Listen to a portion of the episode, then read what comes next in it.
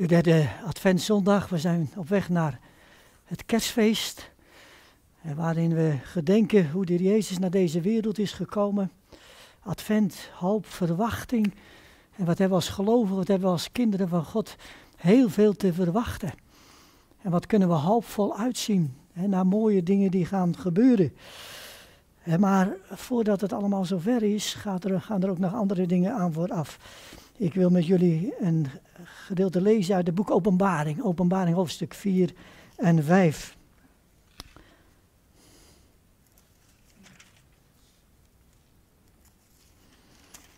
Het laatste Bijbelboek een, uh, bij uitstek het profetische boek.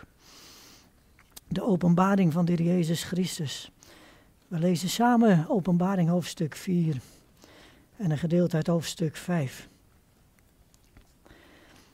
Vanaf het eerste vers. Na deze dingen zag ik. En zie, er was een deur geopend in de hemel.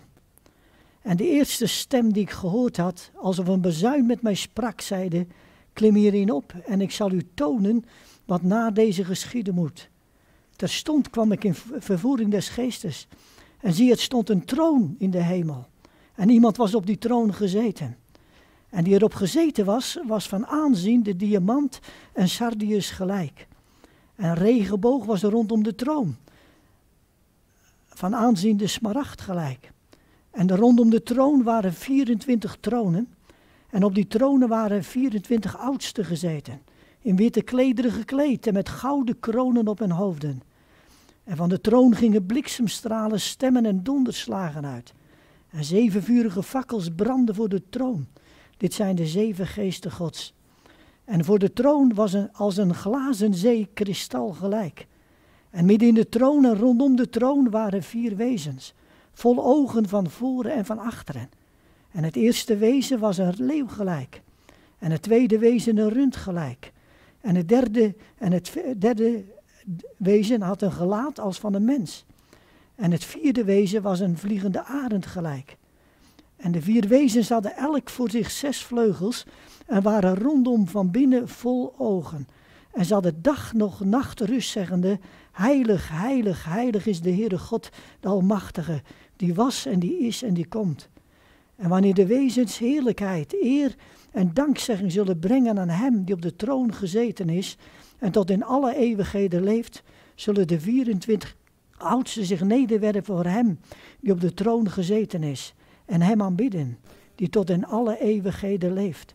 En ze zullen een kronen voor de troon werpen, zeggende, Gij onze Heere en God zijt waardig te ontvangen de heerlijkheid, de eer en de macht, want gij hebt alles geschapen en om uw wil was het en werd het geschapen. En ik zag in de rechterhand van hem die op de troon zat een boekrol, beschreven van binnen en van buiten, wel verzegeld met zeven zegels. En ik zag een sterke engel die met luide stem uitriep: Wie is waardig de boekrol te openen en haar zegels te verbreken? En niemand in de hemel, nog op de aarde, nog onder de aarde kon de boekrol openen of haar inzien. En ik weende zeer, omdat niemand waardig was gebleken de boekrol te openen of die in te zien.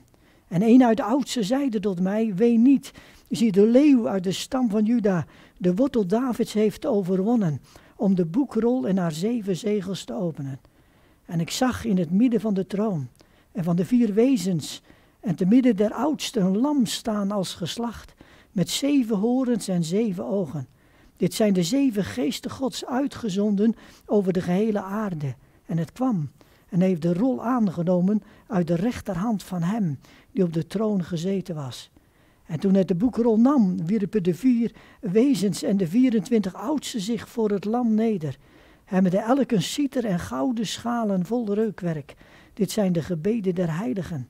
En ze zongen een nieuw gezang, zeggende: Gij zijt waardig de boekrol te nemen en haar zegels te openen. Want gij zijt geslacht en hebt ons voor God gekocht met uw bloed, uit elke stam en taal en volk en natie. En gij hebt hen eh, voor ons, voor onze God gemaakt, tot een koninkrijk en tot priesters.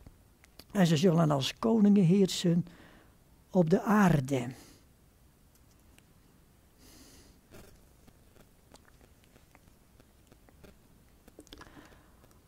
aan de echte levende gemeente, bijbelgetrouwe gemeente die vasthoudt aan het woord van God, de Philadelphia gemeente. En die ook de komst van de Jezus verwachten. En die zijn naam niet hebben verlogend, heeft de Heer Jezus een geopende deur beloofd. Hij zegt, zie, ik geef, ik heb u een geopende deur voor uw aangezicht gegeven, die niemand kan sluiten. Weet u, voor de ware, echte, levende gemeente in de eindtijd gaan verschillende deuren openen. Je moet het wel willen zien en je moet er ook binnen gaan. De eerste, maar de eerste en de allerbelangrijkste deur die open gaat, is de deur naar de hemel. En Johannes ziet inderdaad de eerste deur naar de hemel openstaan. Zonder dat hij hoeft aan te kloppen. Staat die deur naar de hemel open. Weet je, de allereerste keer dat mensen echt verlangen om naar de hemel te gaan, moeten ze eerst wel aankloppen bij de Heer. Klopt en u zal open gedaan worden. En wie klopt, hem zal open gedaan worden. Hè? Matthäus 7, vers 7. Dat wil zeggen, je moet, je moet het echt aangeven. Hè? Je moet, uh, je moet, uh, je, moet, je, je, moet het laten merken. Je moet je bewust bekeren tot de Jezus Christus. En dan gaat inderdaad die deur open. En dan blijft hij ook open. En dat is en dat is heel mooi. Mensen, we mogen inderdaad, dat is geweldig als je onder een geopende hemel mag leven. Ik zie een poort wijd open staan waardoor het licht komt stromen. En van het kruis waar ik vrijelijk heen mag gaan om vrede te bekomen. Genade God zo rijk en vrij. En die poort staat open ook voor mij. Ook voor mij en ook voor u en voor jou. En we worden aangespoord om binnen te gaan. Voortdurend, geestelijk, mogen wij nu al inderdaad die hemel binnengaan. En door hem, zegt apostel Paulus, door hem hebben wij beide, dat is door de Jezus, hebben wij beide, Jood en Heiden, de vrije toegang tot de Vader. En laten we met vrijmoedigheid toegaan tot de troon der genade. Christenen gelovige kinderen van God zijn hemels georiënteerd. Onze belangrijkste focus is de hemel. Zoek de dingen die boven zijn. En daar waar Christus is gezeten, aan de rechterhand van God. Bedenk de dingen die boven zijn en niet die op de aarde zijn. Mensen, daar hebben een hele klus aan. Hè? Daar hebben we een hele klus aan. Maar het is wel waar. Hè? De hemel. En eenmaal zullen we ook inderdaad ook letterlijk die hemel binnengaan. En ik zie dat zo prachtig eigenlijk hier uitgebeeld, ook in de apostel Johannes. Want hij hoort vanuit die geopende hemel, vanuit die geopende deur, hoort hij een stem die roept. Johannes, klim op. De andere vertaling zegt, kom naar boven. Kom naar boven. Het was de stem die hij al eerder had gehoord. En die, had, die stem die had de volume van een bezuin. Het was een bezuinstem. Een roepstem die hem oproept om de hemel binnen te komen, zeg. Ik zie dat persoonlijk, zie ik daar inderdaad Johannes hier ook als een type van de gemeente. Dit loopt eigenlijk parallel en met de hemelvaart, denk ik, van alle gelovigen. We hebben daar wel eens over gesproken, 1 Thessalonicense hoofdstuk 4. En daar komen bepaalde details, die komen daar eigenlijk ook weer naar voren. De Heer zelf, de Heer zelf zal nederdalen op een teken. Bij een groep bij een stem als van een aartsengel, hm? bij de bezuin Gods. En zij die in Christus gestorven zijn, die zullen het eerst opstaan. En daarna zullen wij levenden die achterbleven samen met hem de Heer tegemoet gaan in de lucht. Hm? Die bazuin. we hebben het gehoord in het lied zo mooi. Eens zullen de bazuinen klinken mensen. Eens zullen wij die bazuin horen die ons oproept om inderdaad omhoog te gaan, de hemel binnen te gaan. En wat zal dat inderdaad geweldig, geweldig zijn. En het is heel, eigenlijk heel bijzonder hè, als we de chronologie, eh, de volgorde van gebeurtenissen zouden volgen in het boek Openbaring. dat Johannes in de hemel is voordat de toren van God losbarst over deze aarde. Voordat die schalen van gramschap worden uitgegoten over deze goddeloze wereld, is Johannes daar in de hemel. En alles wat er verder gebeurt, eh, ook aan verschrikkelijke dingen die nog over de aarde komen, heeft Johannes vanuit de, hemel gezien. Hm? Persoonlijk geloof ik, ik heb het alles gezegd, dat die gemeente weggenomen wordt voordat die verschrikkelijke dag des Heren aanbreekt. Voordat die verschrikkelijke tijd van de oordelen zullen plaatsvinden. Want wij zijn niet gesteld tot toren, zegt de Bijbel, maar tot het verkrijgen van zaligheid. Voordat de toren van God losbarst over de aarde, zullen we gesteld worden voor de stralende troon van God. En dat wordt hier mooi geïllustreerd in Johannes, denk ik. Maken wij de grote verdrukking mee? Ja, maar dan wel vanuit de hemel. En dan zit je aan de goede en de veilige kant. Zitten we aan de goede en de veilige kant. Zoals Johannes. En dan komt hij daar in de hemel. En dan het eerste wat hij in het versier krijgt is de troon. Zie, zegt hij, ik zag een troon. Ik zag een troon. En degene die op die troon zat. Maar de nadruk ligt op de troon. De troon. Het gaat om de heerschappij. Het gaat om het eeuwige koningschap van God. We vragen ons misschien wel eens af, regeert God nou eigenlijk nog wel? Heeft God nou eigenlijk alles nog wel onder controle? Heeft God alles, eigenlijk echt nog wel alles in de hand, zeg. Mensen, de troon van God, is God van de troon gevallen? Nee, de troon van God is staat. Uw troon, uw troon, o God, staat voor altoos en eeuwig, zegt Psalm 45. Uw troon, o God, staat voor altijd en eeuwig. De Heer heeft zijn troon in de hemel gevestigd. En zijn heerschappij is een heerschappij over alles. Staat ergens in Psalm 103. Mensen, Gods troon wankelt niet. De Heere, de Almachtige. Het koningschap, hij regeert uiteindelijk.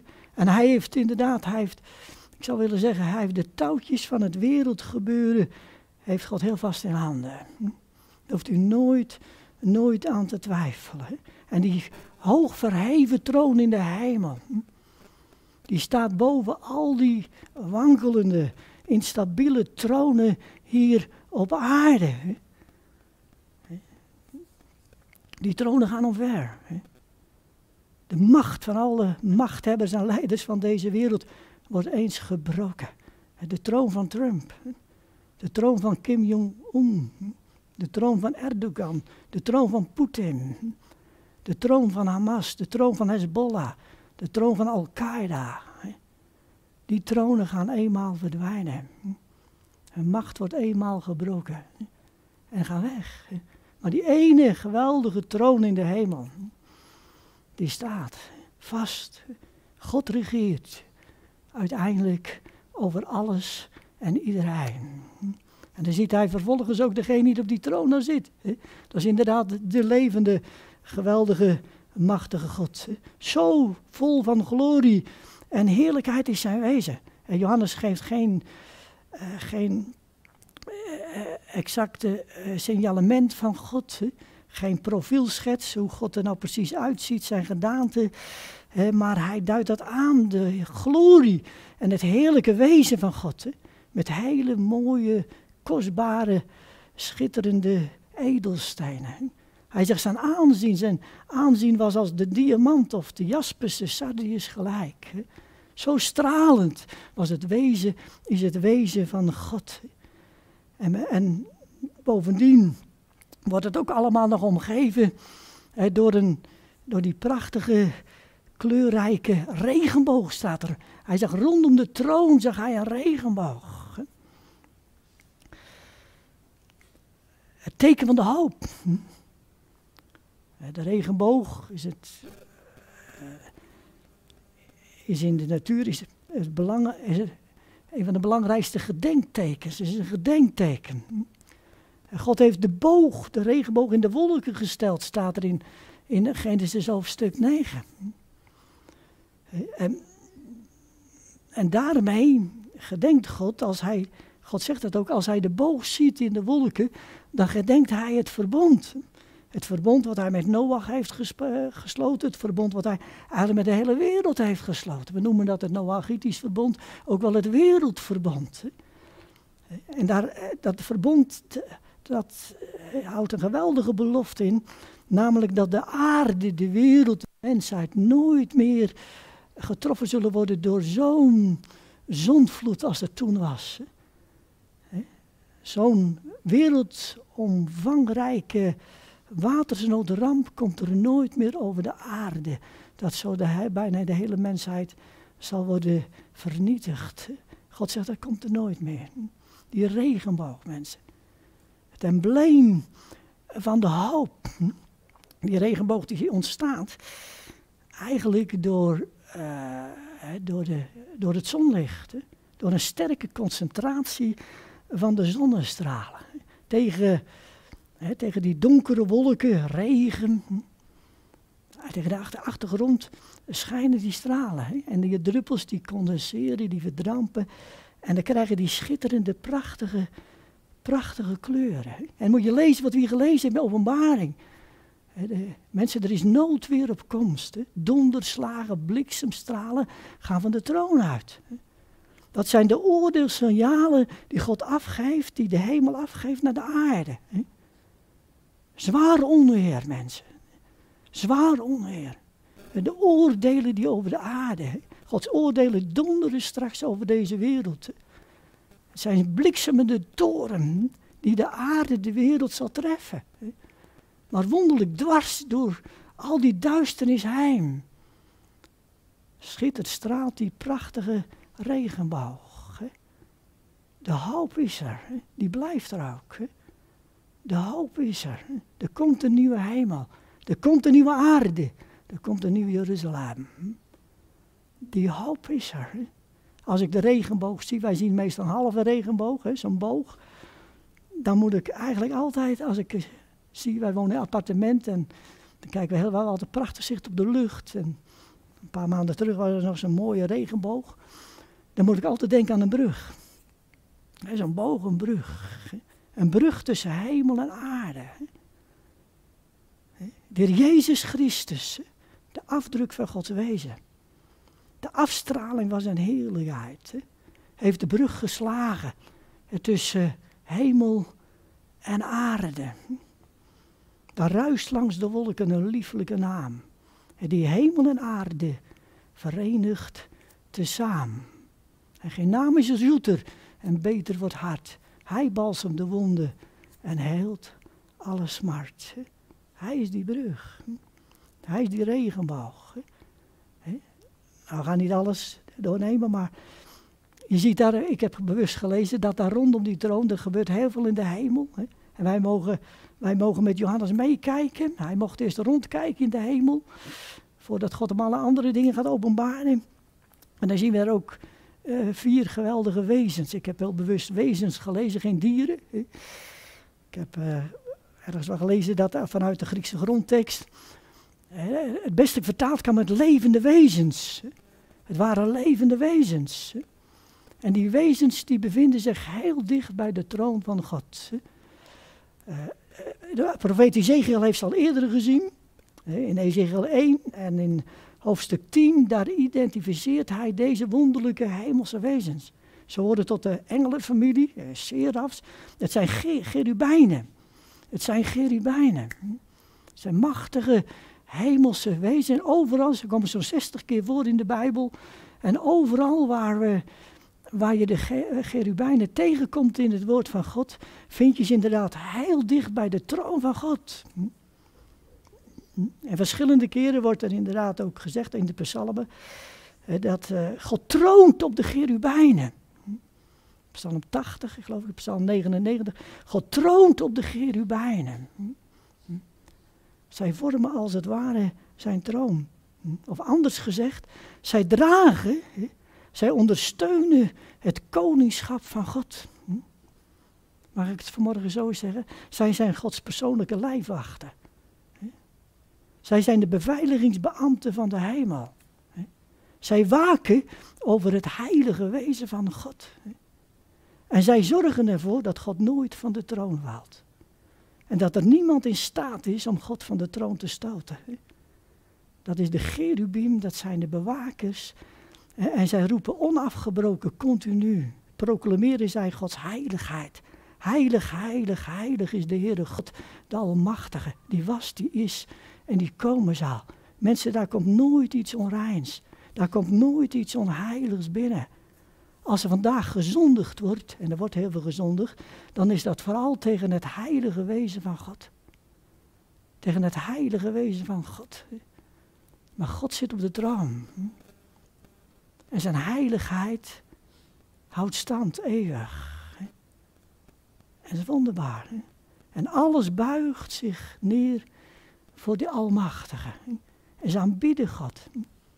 Oudste, cherubijnen, ze aanbidden God. Allereerst als schepper staat er.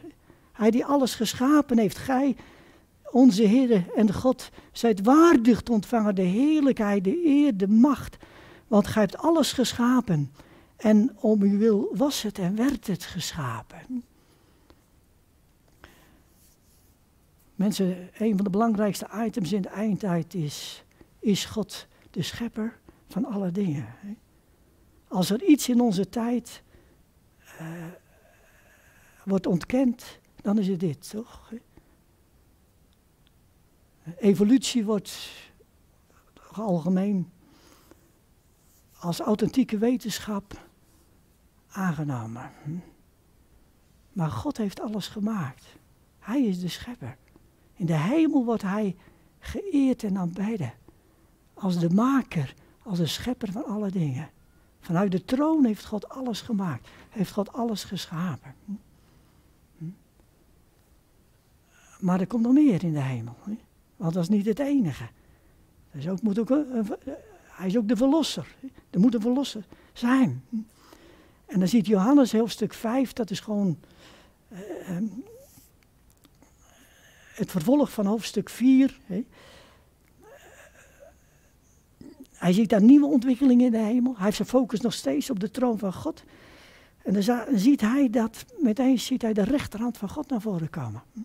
En ik zag in de rechterhand van hem die op de troon zat, een boekrol beschreven van binnen en van buiten, wel verzegeld met zeven zegels.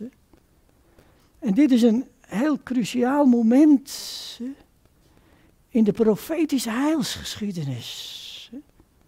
Wat hier gebeurt is absoluut bepalend voor de verlossing van de hele schepping, de verlossing van deze wereld. Gods rechterhand komt naar voren. En dat betekent dat God in actie komt. De, de rechterhand van God is in de Bijbel altijd de actieve, werkzame handelende hand van God. Als Gods rechterhand gezien wordt, dan betekent dat dat God handelend gaat optreden. Dat God inderdaad in actie komt. Door de hele Bijbel heen wordt de rechterhand van God ook enorm gepromoot. En aanbevolen. En in allerlei toonaarden ook bejubeld en bezongen. Denk aan maar Psalm 118. De rechterhand des Heren doet krachtige daden. De rechterhand des Heren verhoogt. De rechterhand des Heren doet krachtige daden. Dat is machtig. Dat is de rechterhand van God.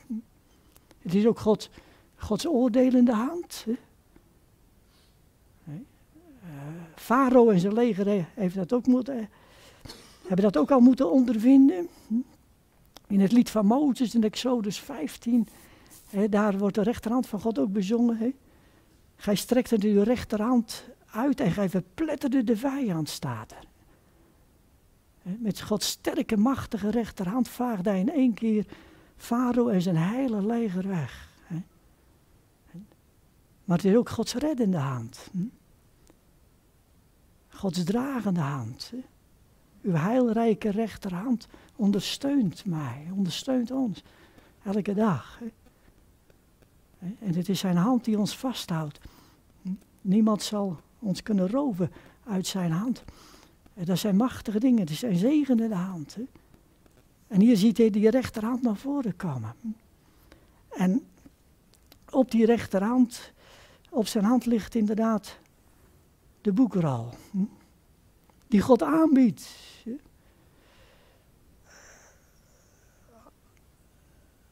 De boekrol in de hand van God.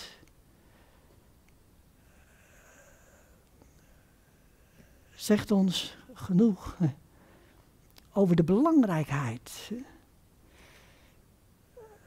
van deze boekrol. De belangrijke betekenis van die boekrol. Het is een hemels document. En God biedt die boekrol aan. Aan iemand die waardig is om die boekrol aan te nemen. De zegels te verbreken. En iets met die boekrol te gaan doen. En die boekrol is beschreven, staat er van binnen en van buiten. Het gaat hier over het enorme grote verlossingsplan van de Almachtige. En dat is een heel uitvoerig plan. Boekenrol in die tijd, er waren andere boeken dan wij kennen, die zijn prachtig allemaal ingebonden, maar het waren perkamenten rollen, op een stok gerold. Maar die waren meestal maar aan één kant beschreven. Of het moet nog iets andere betekenis hebben, maar daar kom ik straks weer op terug. Maar normaal was het maar op één kant, hier dan twee kanten. En dat wil zeggen inderdaad dat dat plan van God een enorm groot plan is. Al zijn, het gaat om zijn eeuwige raadsbesluiten. Het gaat om, zijn, om dat eeuwige plan van God, zijn voornemens. Het is allemaal opgetekend en het is ook allemaal, het is ook allemaal vastgelegd. Hè? Want dat boek, dat is, dat, het boek is gesloten. Hè? Het is wel verzegeld met zeven zegels, staat er. Het was verzegeld. En zeven is het getal van de volkomenheid. Dus het was, zeg maar, totaal verzegeld.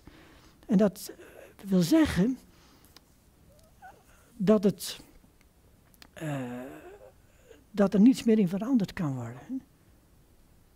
Uh, dat niemand er iets in kan wijzigen. maar het spreekt ons van het definitieve en het onherroepelijke van al Gods plannen. Met deze wereld, met u en met mij. Hij zal het onherroepelijk allemaal gaan uitvoeren. Wij kunnen daar niets, mogen ook niets aan toevoegen. We kunnen er ook niets aan, van afdoen. Niemand op deze wereld, ook uit die geestelijke wereld niet, kan dat op een of andere manier negatief beïnvloeden, dat plan van God. Het staat absoluut vast, het is verzegeld, het boek is gesloten. En zoals God het heeft uh, vastgelegd in dat boek, zo gaat het ook gebeuren. Maar door wie, dat is de belangrijkste vraag. Door wie gaat dat dan gebeuren? Wie kan dat? Dat plan van God uitvoeren. Wie is waardig de boekrol te openen? Weet je, die, die boekrol die wordt niet zomaar aan een, een of ander willekeurig iemand aangeboden. Nee, die, die boekrol die vereist een bepaalde waardigheid. Dat we zeggen een bepaalde bevoegdheid. Wie is gerechtigd? Wie heeft er recht op om die boekrol uit de hand van God aan te nemen. Wie komt daarvoor in aanmerking? Hm? Dat was de grote vraag. Maar heel bijzonder is, er wordt eerst een algemene oproep gedaan. Er komt een, Johannes ziet een engel naar voren komen. Een heraut van God. Een omroeper die een hele belangrijke afkondiging doet. En dat doet hij inderdaad ook met een luide stem, staat er. Met een alles doordringende stem die wordt gehoord Overal, zelfs tot in de uithoeken van het heelal. En op de aarde en zelfs onder de aarde hè, wordt die roepstem van de engel gehoord. Wie is waardig, roept die engel, om de boekrol te nemen, zijn zegels te verbreken en de boekrol in te zien en uit te voeren. En dan wordt het stil in de hemel. Dan wordt het stil in de hemel.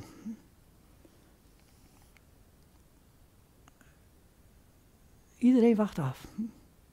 Komt er iemand naar voren? Misschien iemand van onder de aarde. Hè? Dat is een aanduiding van het dodenrijk onder de aarde. Dat is de Hades. Daar zitten alle, alle ongelovigen, daar zitten de goddelozen. Daar zitten de godlogenaars. Dat zijn de verlorenen. Nou, uiteraard niemand van onder de aarde uit het dodenrijk durft zich in de tegenwoordigheid van God te begeven. In de heilige tegenwoordigheid van God. Zij zijn sowieso onwaardig, erger nog, zij zijn doemwaardig, zegt de Bijbel. Zij zijn verloren. Nou, misschien dan in de hemel zeggen, onder de miljoenen gezaligden. Er zal toch wel iemand zijn. Adam, waar zijt gij? Ik denk dat we zo'n dezelfde situatie hebben, misschien in het paradijs. Ik denk dat Adam zich heeft verborgen. Hè? Want Adam was bewust dat hij hopeloos had gefaald. Hè? Misschien onder de Joodse patriarchen, de grote stamvaders van Israël, Abraham, Isaac en Jacob. Ze verschijnen niet. De geloofshelden, Mozes, David, Elia.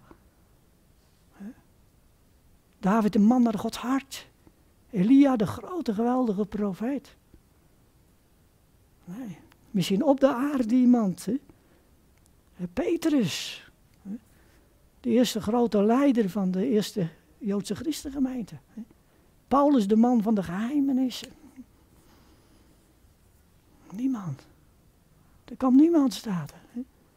Niemand had de vrijmoedigheid. Ja, ze waren vol, veel verloste zondaren. Maar wel zondaren geweest. En niemand, niemand durfde, niemand had die vrijmoedigheid om naar voren te komen. En het is een heel spannend moment. En iedereen wachtte af. En dat was stil. Er was niemand. En dan wordt die stilte wordt meteen doorbroken door Johannes. Johannes barst in tranen uit. Hij, en ik staat er, ik weende neer. Ik weende zeer, omdat niemand in staat was om die boekrol te nemen. En dan wordt hij zo emotioneel diep door geraakt. Weet je, wij, wij maken nog wel eens een keer de opmerking als we het boek Openbaring lezen, dat Johannes eh, van hetgeen hij op moest schrijven zelf maar weinig heeft begrepen. Nou, grotendeels is dat denk ik ook waar, maar hier absoluut niet. Hier had Johannes het heel goed door. Als er echt niemand zou zijn die dat plan van God gaat uitvoeren, dan is de hele wereld, de mensheid, reddeloos verloren.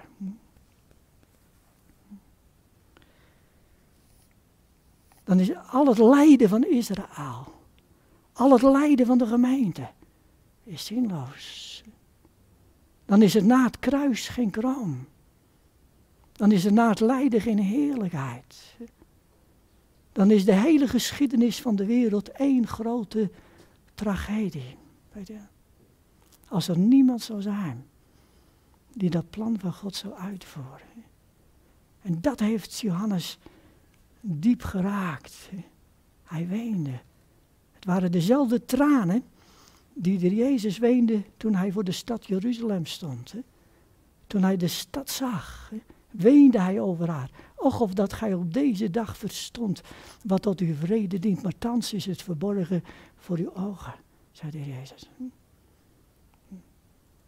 Nou, anders doe niet zo sentimenteel, zeggen we dan. Hè? Doe nou niet zo sentimenteel, dat is nog niet nodig. Nee.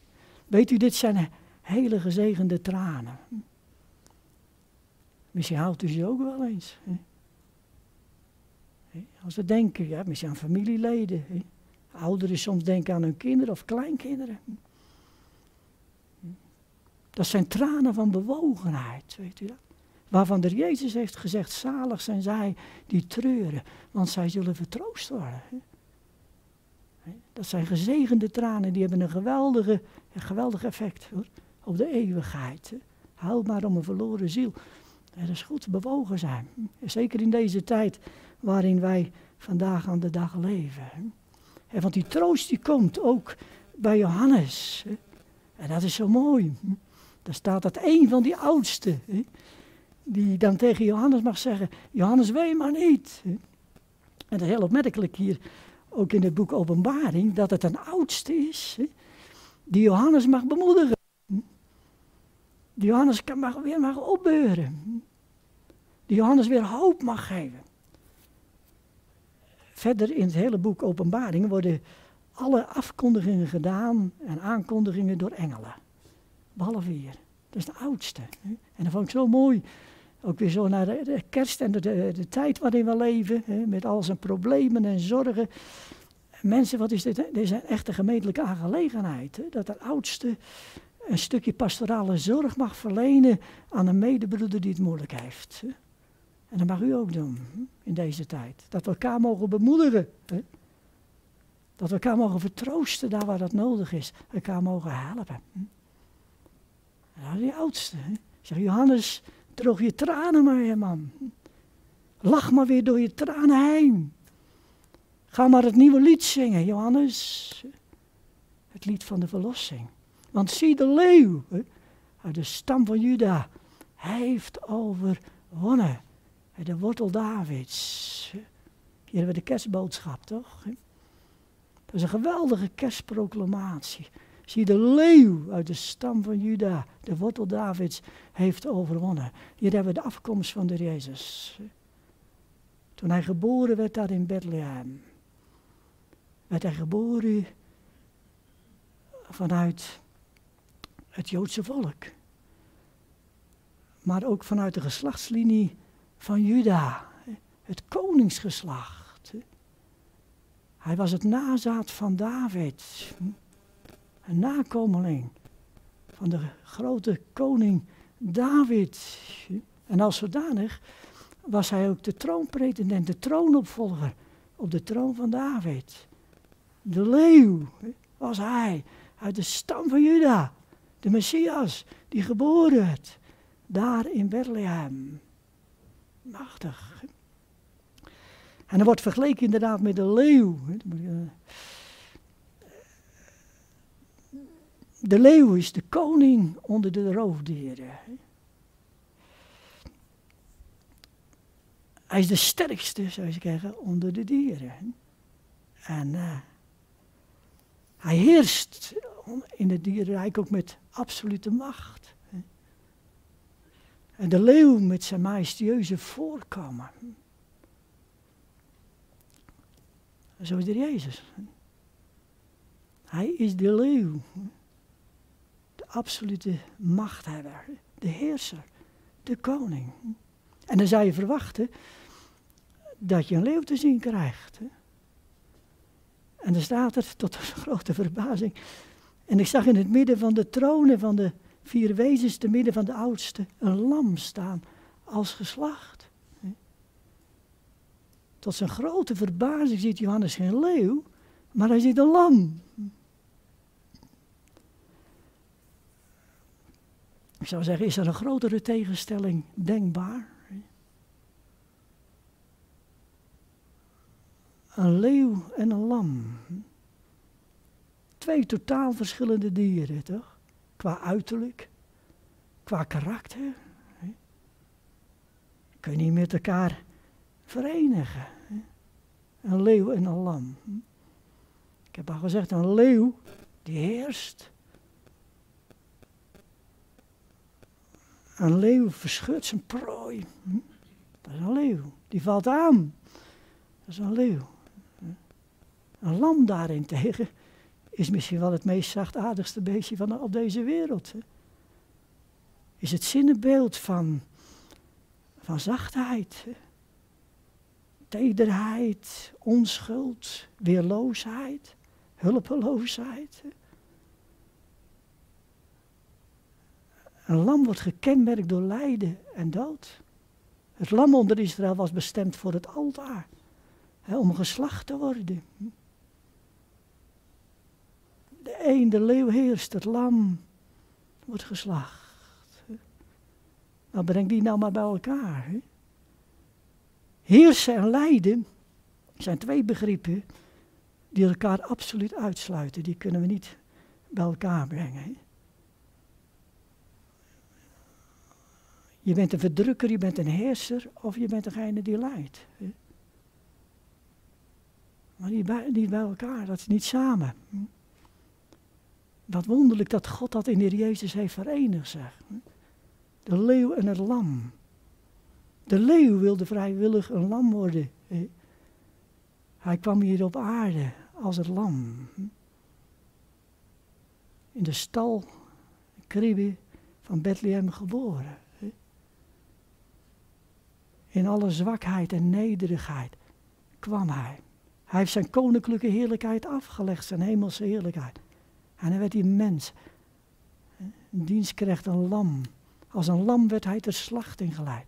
Als een schaap wat stemmeloos is voor zijn scheerder. Al zo deed hij zijn mond niet open. In uiterlijk was hij een lam. Maar innerlijk, mensen, was hij een leeuw. Het lam had leeuwenmoed. Het lam had leeuwenkracht. Want in Jezus, hij heerste over ziekte, hij heerste over demonische machten. Hij heerste zelfs over de dood.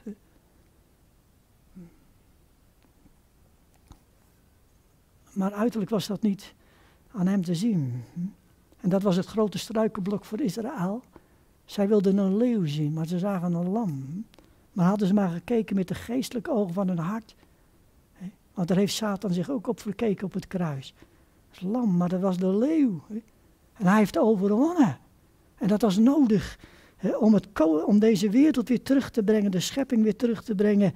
Inderdaad, onder de gezegende heerschappij van de Almachtige God en Vader. De enige, echte, rechtmatige eigenaar, oorspronkelijke eigenaar van deze wereld, is de Almachtige Schepper, is God zelf. Maar die wereld is in handen gekomen van een valse koning van een valse koning. En dat heeft God niet gedaan, misschien indirect, maar dat was die eerste mens Adam. Dat was de eerste mens Adam die God aangesteld als koning over de aarde. Tot twee keer toe in Genesis 1 Heers over de aarde, Adam. Heers over de aarde. God had hem gekroond met, met koningschap. Adam kreeg de bevoegdheid om te regeren over de aarde. Een koning. Maar Adam luisterde, we weten het, naar de grote tegenstander van God. En toen Adam zich boog voor deze valse autoriteit, Satan, toen viel zijn kroon van zijn hoofd. God had hem de scepter over de wereld in handen gegeven. Maar op het moment van de zondeval droeg hij die scepter over aan Satan. En daarom kon Satan tegen de Jezus zeggen later, ik geef alle koninkrijken der aarde aan wie ik wil. Want ze zijn mij overgegeven, niet door God, dat geloof ik niet, maar door Adam, de eerste mens, heeft dat gedaan. En hij sinds, sinds de zondeval zwaait de duivel de scepter over deze wereld. En hij voert een waar schrikbewind, mensen. Hij voert een waar schrikbewind. Hij tyranniseert deze wereld en maakt deze aarde tot één groot tranendal. Maar de Verlosser leeft. Hij staat in de troon. Hij, heeft over, hij is overwonnen. En hij zal alles weer terugbrengen. Onder de gezegende heerschappij van de hemel. De troon van God. En wat heerlijk als wij vandaag, zo vlak voor kerst, advent, mogen leven in die geweldige verwachting. En die hoop, Heer, u komt. U komt, u komt terug. U komt ons halen. We zullen straks thuiskomen bij Hem. En uw plan gaat door met het volk van Israël, met deze wereld, met de schepping. maar leer hem kennen. En dat mogen de mensen vertellen in deze tijd. Leer de Jezus kennen als die geweldige verlosser. Want hij is geboren, geboren, ook voor mij en ook voor u geprezen zij zijn naam. Amen. Laten we samen danken. Vader in de hemel, we willen u samen danken dat we deze morgen inderdaad een blik mochten werpen, ook in de hemel. Heren, wat bent u inderdaad een machtig God. Heer, wat hebt u ons ook weer veel geopenbaard in uw woord. Heer, we mogen daar zo dankbaar voor zijn. Heer, ook al begrijpen we lang niet alles en hebben we ook niet een volkomen inzicht in, Heer, in dat alles wat u, Heer, hebt uitgedacht. En Heer, ook dat wat u zelfs aan ons geopenbaard hebt. Heer, het is allemaal misschien nog heel beperkt, maar Heer, één ding mogen we weten, Heer Jezus, dat u naar deze wereld bent gekomen. Met één doel, Heer, om uw leven te geven. Heer, van mensen die dat leven hebben verloren, dat leven kwijt zijn geraakt. Heer, door de zonde. Heer Jezus, daarvoor hebt u geboet. Heer, daar op het kruis van Golgotha. Daarvoor hebt u uw bloed gestort. Heer, daarvoor hebt u inderdaad, Heer, moeten strijden. Heer, tegen de macht van de zonde en de dood en Satan. En u hebt glansrijk overwonnen. Want u staat in de troon. Heer, u bent de grote overwinnaar. En zo mogen u eren, zo mogen u danken ook vanmorgen. Heer Jezus, wie zouden we zijn zonder u? Heer, en wat zou kerstfeest zijn zonder een verlosser, zonder de verlosser, u, Heer Jezus, op deze wereld. Heer, dan wordt het alleen maar het feest van de wanhoop, het feest van de tranen. Heer, maar wij mogen door Gods genade, Heer, mogen we, ja, mogen we dankbaar zijn, mogen we blij zijn en mogen we vrede in ons hart hebben. Heer, te midden van alle moeite die we ook hebben, te midden van alle zorgen die we hebben. Heer, we hebben het vanmorgen gehoord, werpt al uw bekommernis op maar op Hem. Heer, wees in geen ding bezorgd.